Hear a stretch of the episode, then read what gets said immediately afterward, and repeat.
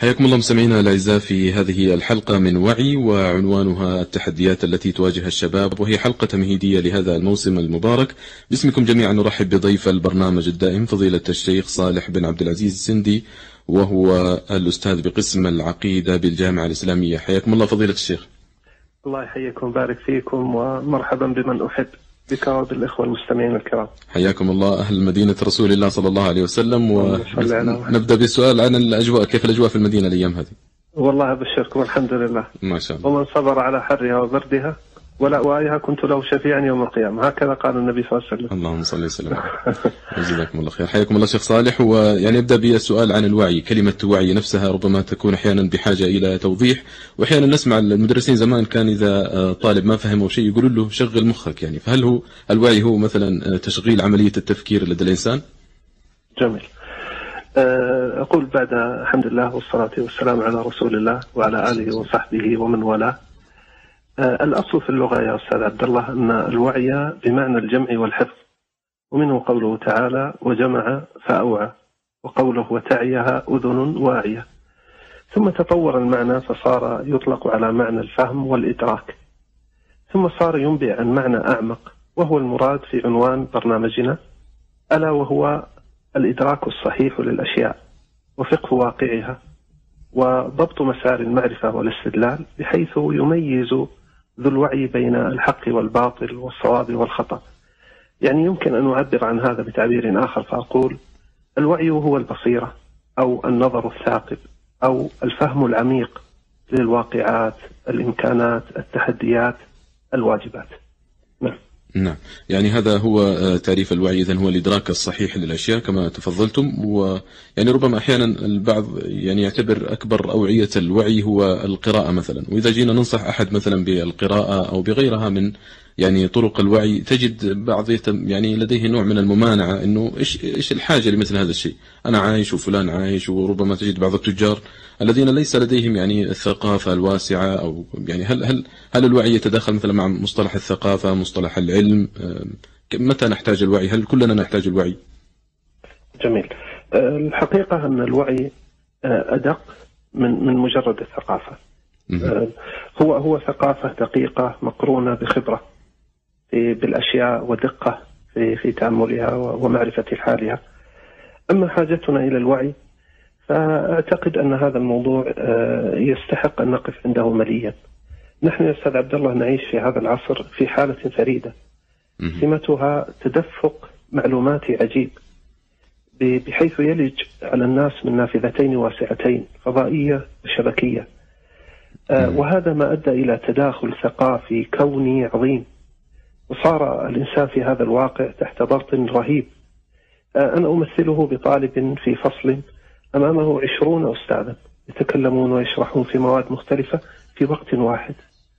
كثافة المنتجات الثقافية المعروضة إن لم يصحبها وعي حسن للذات والواقع والمطلوب فسيكون ذلك عامل اضطراب وإرباك في العقائد في الأفكار في الأحكام.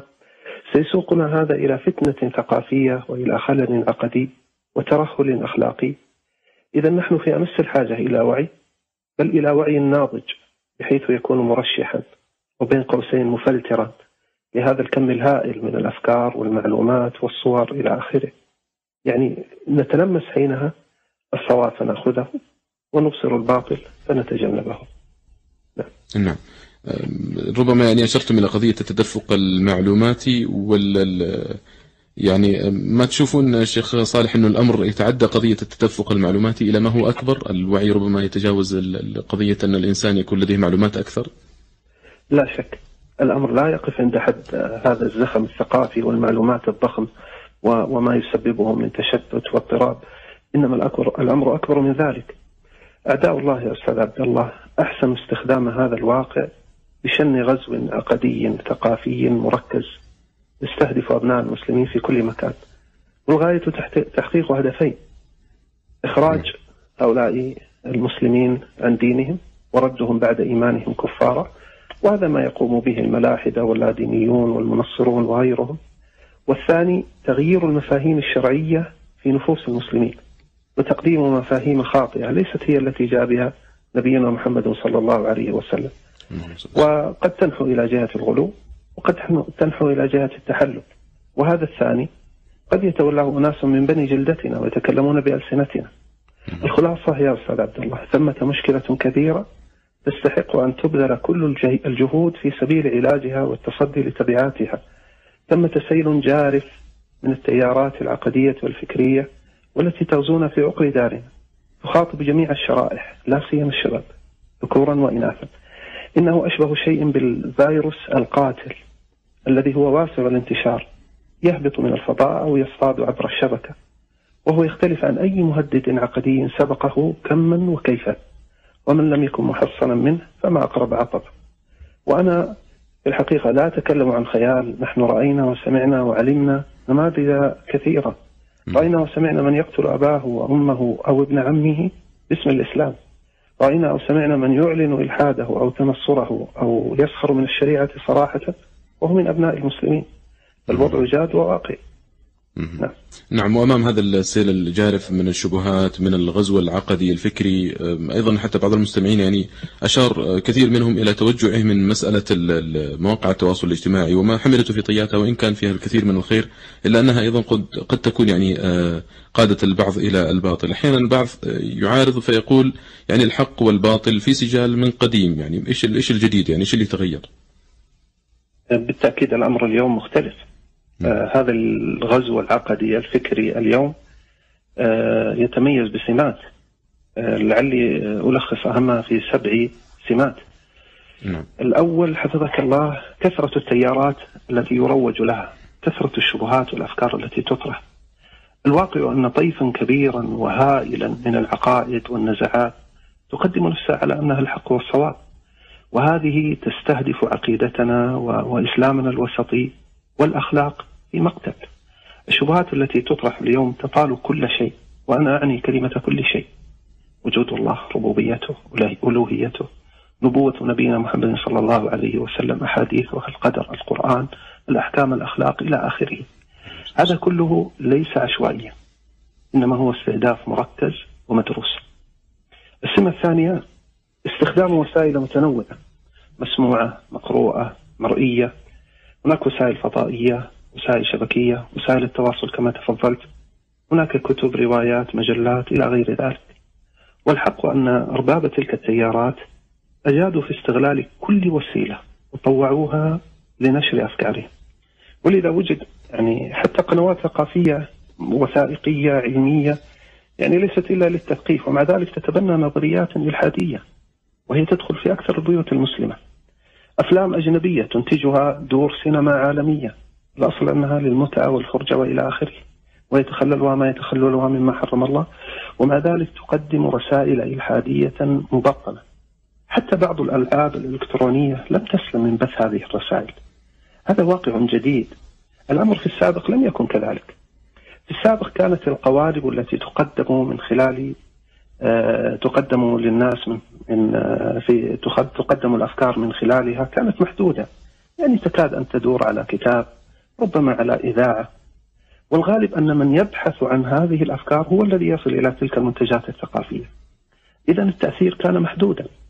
بخلاف الأمر اليوم الوسائل اليوم هي التي تطارد الناس حتى من هم في غفلة عنها. مع ملاحظة أننا نتحدث عن وسائل تميزت بالتنوع والكثرة تميزت بالجدة وكل جديد له لذة. تميزت بالجاذبية تميزت بالسهولة سهولة الوصول إليها وهذا ما يتضاعف معه التأثير. نعم. النقطة الثالثة؟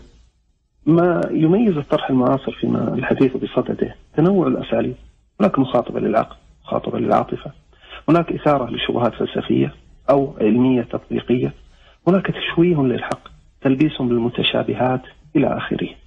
بعكس ما كان عليه الحال في السابق حيث كان الطرح غالبا فلسفيا نخبويا نعم. الأمر الرابع حفظك الله الطرح اليوم يخاطب جميع الشرائح.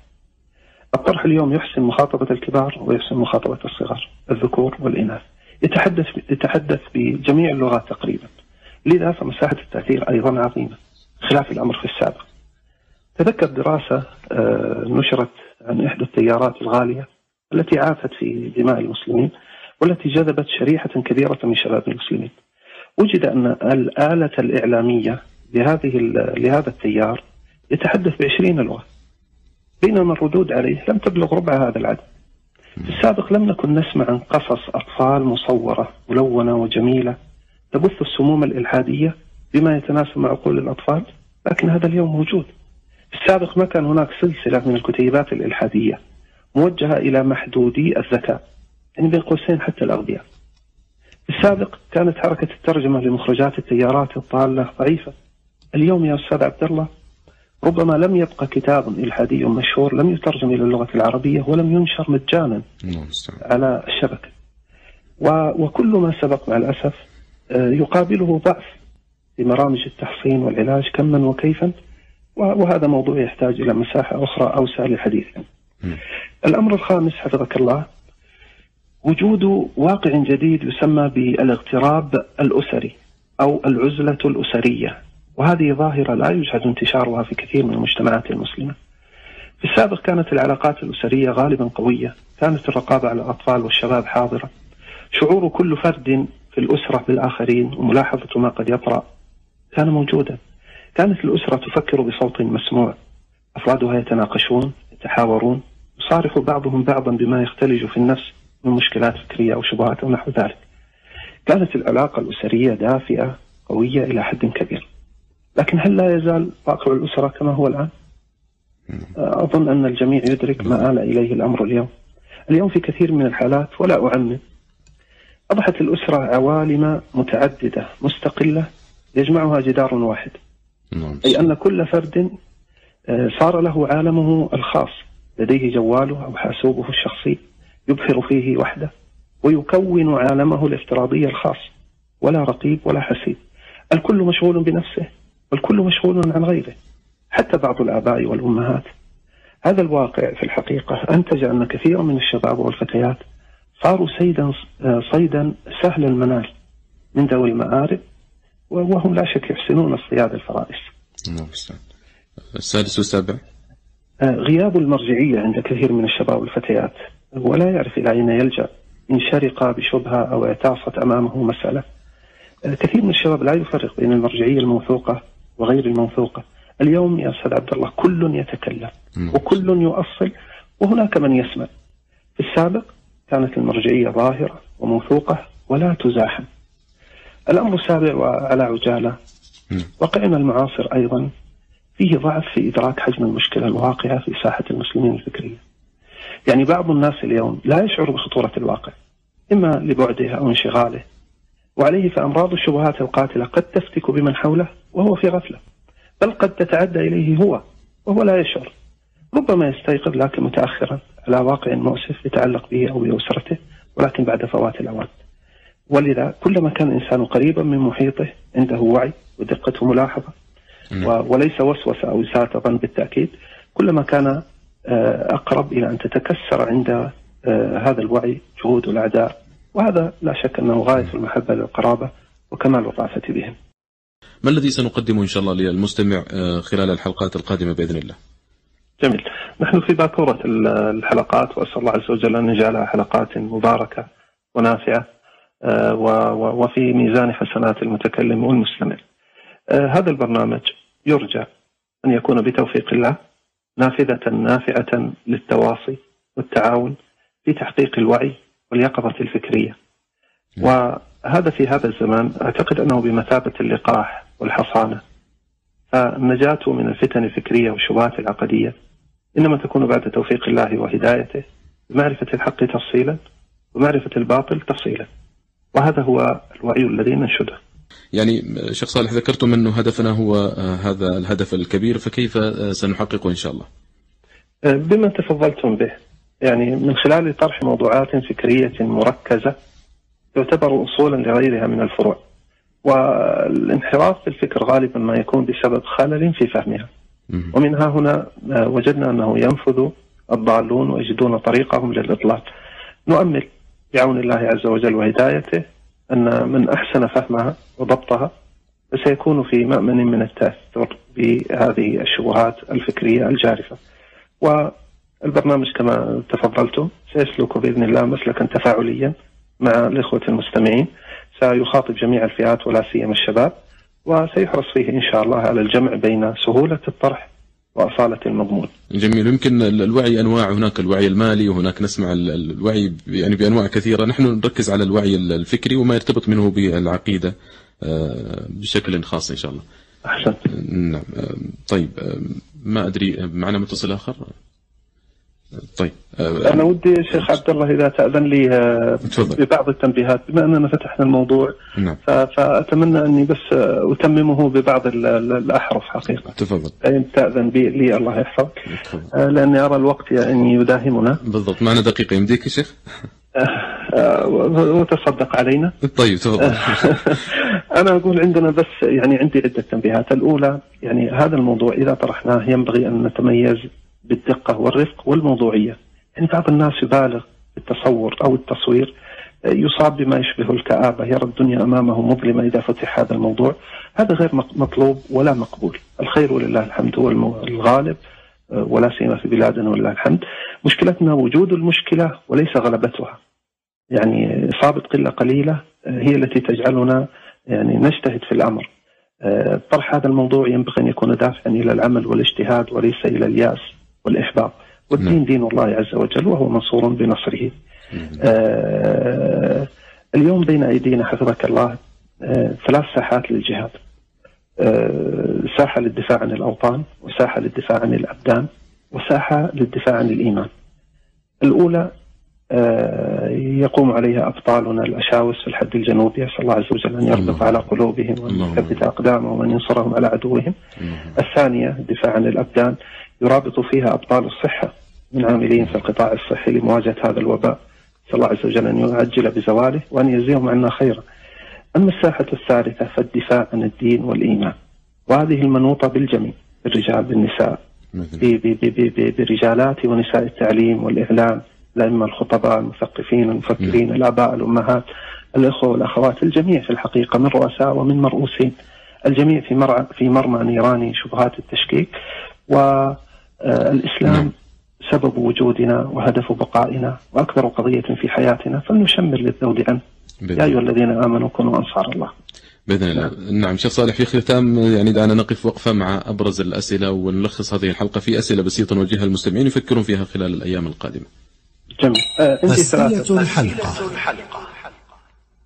تفضل شيخ صالح آه أقول عندي ثلاثة أسئلة تفضل. ما هو ما هو الوعي؟ آه، السؤال الثاني ما سمات الغزو العقدي المعاصر؟ السؤال الثالث ما الذي تغير في العلاقة الأسرية عند بعض الأسر في الوقت المعاصر؟ جميل. جميل بإذن الله اذا المستمعين الأعزاء نفكر في هذه الأسئلة ما هو الوعي؟ ما سمات الغزو العقدي المعاصر؟ وما الذي تغير في آه، بعض الأسر في الأيام الأخيرة والسنوات الأخيرة؟ شكر الله لكم الأستاذ الدكتور صالح بن عبد العزيز سندي الأستاذ بقسم العقيدة بالجامعة الإسلامية. شكرا لكم شيخ صالح. الله يحفظكم وأنا أشكركم وأشكر الأخوة المستمعين.